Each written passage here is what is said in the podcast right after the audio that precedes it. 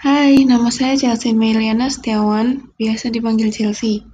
Saya berada di kelas 10 IPS 3 nomor absen 5.